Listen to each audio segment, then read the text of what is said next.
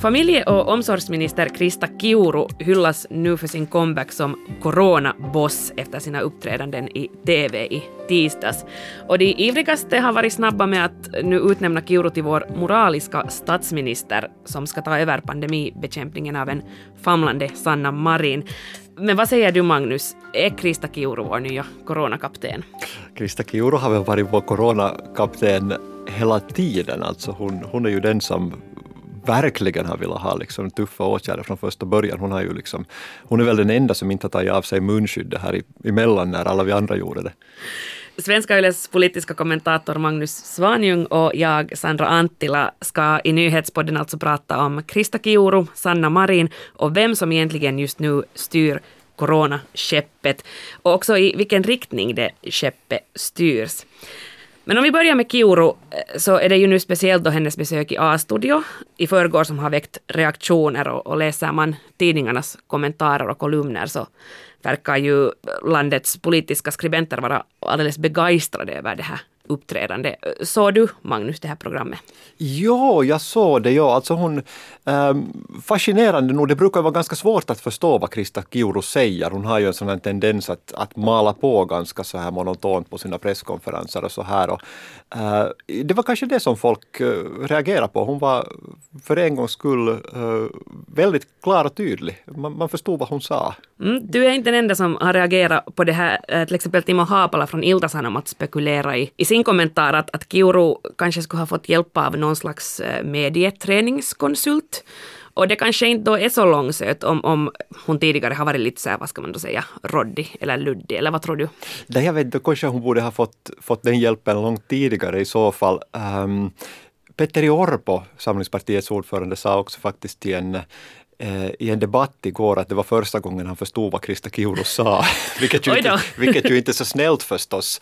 Uh, men jag tror att det kanske kan snarare nu handlar om att, att hela regeringen under en väldigt lång tid har varit ganska osynlig i den här coronakampen, vilket också har varit ett strategiskt val. Det vill säga man har ju överfört skötseln av coronaepidemin uh, till kommuner och till regionförvaltningsverk och så vidare. Man har liksom tagit ett steg tillbaka och, och nu tror jag att det här liksom eh, på något sätt resonerar ganska bra med folkets oro. Eh, därför att jag menar, vi ser ju vad som håller på att hända med, med den här nya omikronvarianten och vi ser att, att, att viruset sprider sig på nytt och, och det finns kanske någon slags efterfrågan på någon som stiger fram och, och på något sätt tar ett ansvar. Um, samtidigt som vi också ser då att, att stödet för statsminister Sanna Marin och hennes sätt att sköta coronaepidemin eh, tydligen har minskat. Helsingin Sanomat publicerade en sån här mätning idag. Det var, det, det, stödet för henne har minskat, minskat drastiskt när det gäller just hennes sätt att hantera coronaepidemin. Och det kan bland annat ha att göra då med, med sådana här symboliska saker som att hon har varit ute och klubba och sånt.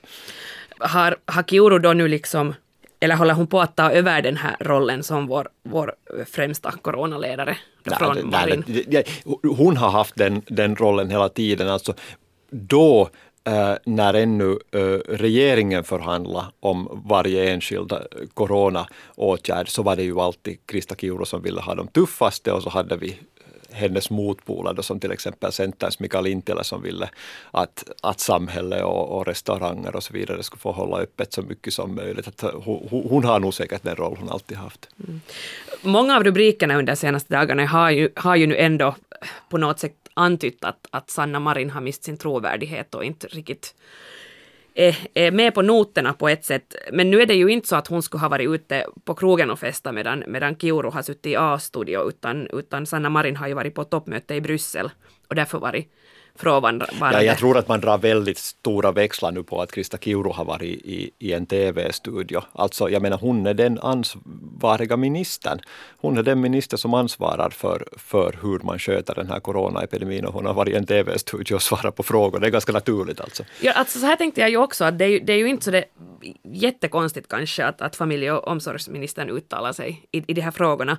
Men det verkar ju som att man nu har på något sätt skissat upp någon maktkamp mellan Kiuru och, och Marie. Men är det då bara kvällstidningarnas sätt ja, det, att sälja? Det handlar nog tror jag mer om att hennes budskap nu på något sätt resonerar med en, uh, på, på, på något sätt liksom ha, hade på något sätt någon slags liksom samklang med ett, med ett all, allmänt liksom, med en allmän uppfattning nu att, att nu håller det på att skita sig och, och, och, och Krista Kiuru talar om en störtflod och nu har vi varit för långsamma och nu måste vi få fart på det här. Egentligen så sa hon ju ganska lite. Men det är ju lite svårt att tolka vad det egentligen hon skulle få fart på annat än, än vaccineringen. Den, den skulle hon få fart på med, med både Röda Korset och beväringar och arbetshälsovården.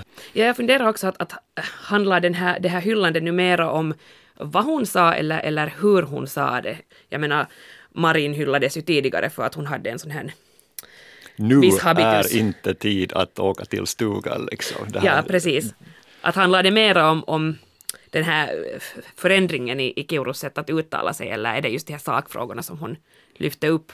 Nej, nu var det väldigt säkert att hon steg upp nu och sa att, att, att, att nu, nu, nu måste vi liksom på något sätt um, ta ett grepp om det här igen och, och lät förstå att hon är den som, som tar det greppet. Men jag har också funderat på hur mycket hon egentligen sa. Det var nog egentligen mest handlade nog om de här, om de här eh, vaccineringarna av den tredje dosen. Och det kanske också är så att att det nu är rätt tid att tala om den tredje dosen. Uh, Krista Kiuru fick ju ganska mycket stryk här för, för några månader äh, sedan när hon uh, sa att Finland har reserverat en tredje dos uh, vid behov för alla finländare.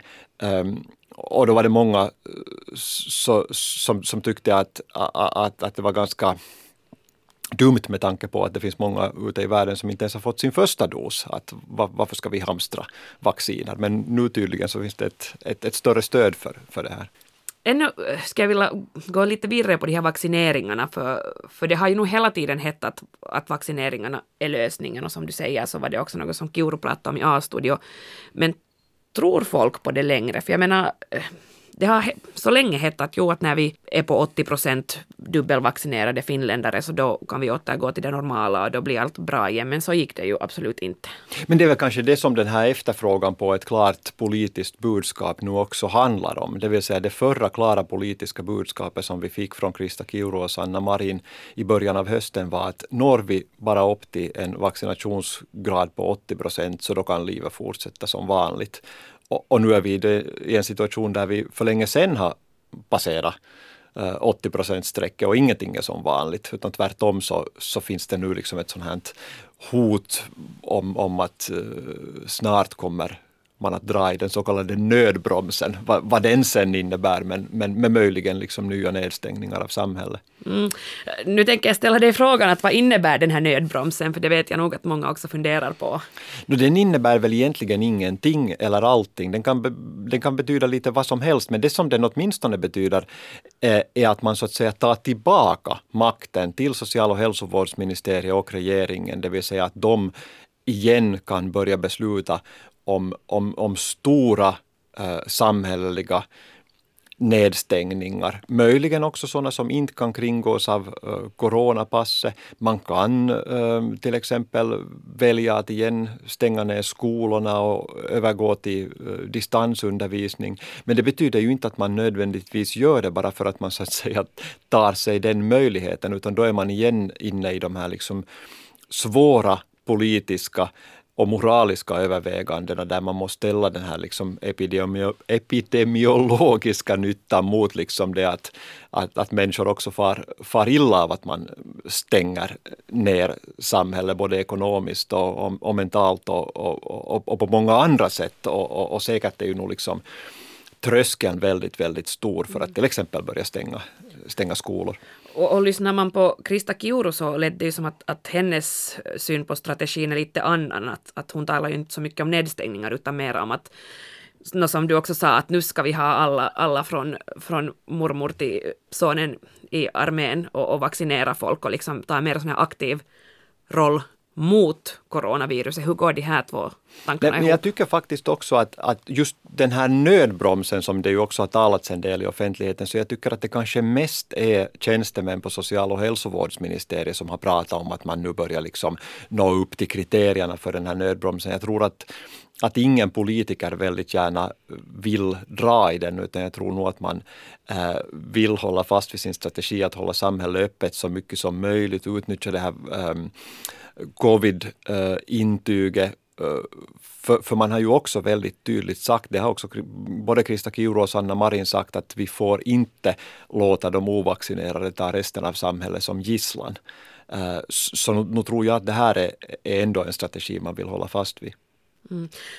På tal om de ovaccinerade, nu har jag inga siffror, skulle det vara något mellan 10 och 20 procent av finländarna som inte har vaccinerats, alltså myndiga finländare. Mm. Vad har regeringen för tankar kring vad som ska göras med dem? Ja, det vet jag inte, det måste fråga regeringen.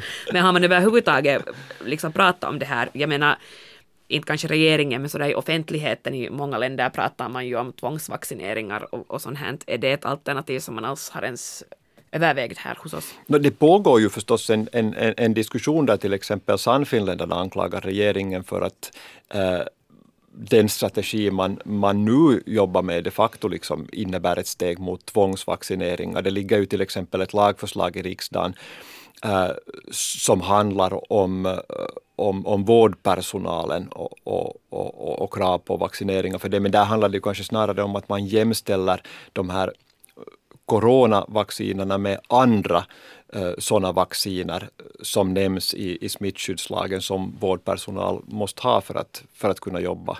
Ja, måste inte vårdpersonal ha influensavaccin till exempel i nuläget? Det finns ett antal sådana vacciner ja, som man som man kräver av, av vårdpersonal, så det här är kanske inte så oerhört radikalt som, som det låter. Men, men ju mera man utvidgar användningen av covid-intyget så är det klart att det också blir svårare att leva som ovaccinerad. Och, och nu är det här väl också en helt uttalad strategi att, att man vill få folk att vaccinera sig med, med hjälp av också covid-intyg och en, en liksom, eh, bredare användning av det. Nu har vi ju då pratat ganska mycket om vem som styr det här skeppet och, och, och, lite också om vartåt det här skeppet är på väg och jag tror det är just kanske det som många av, av oss nu är, är intresserade av för vi har levt med den här pandemin i snart två år och, och alla börjar bli jättetrötta.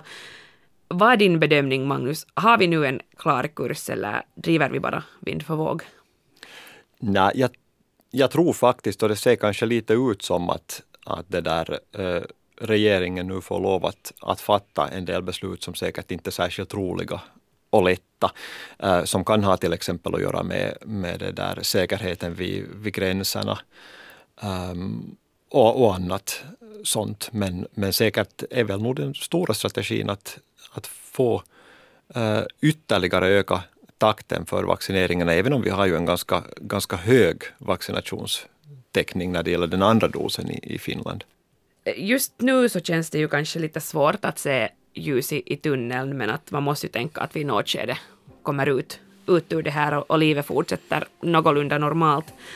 Men vad tror du då om Kiuru och Marin, kommer de någonsin att kunna bli av med den här coronastämpeln som nu har präglat deras regeringsperiod hittills?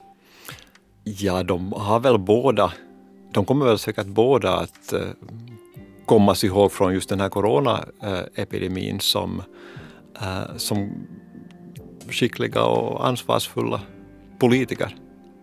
Tack Magnus Svanjung för att du var med. Mitt namn är Sandra Anttila och du har lyssnat på nyhetspodden från Svenska Yle. Vi hörs snart igen.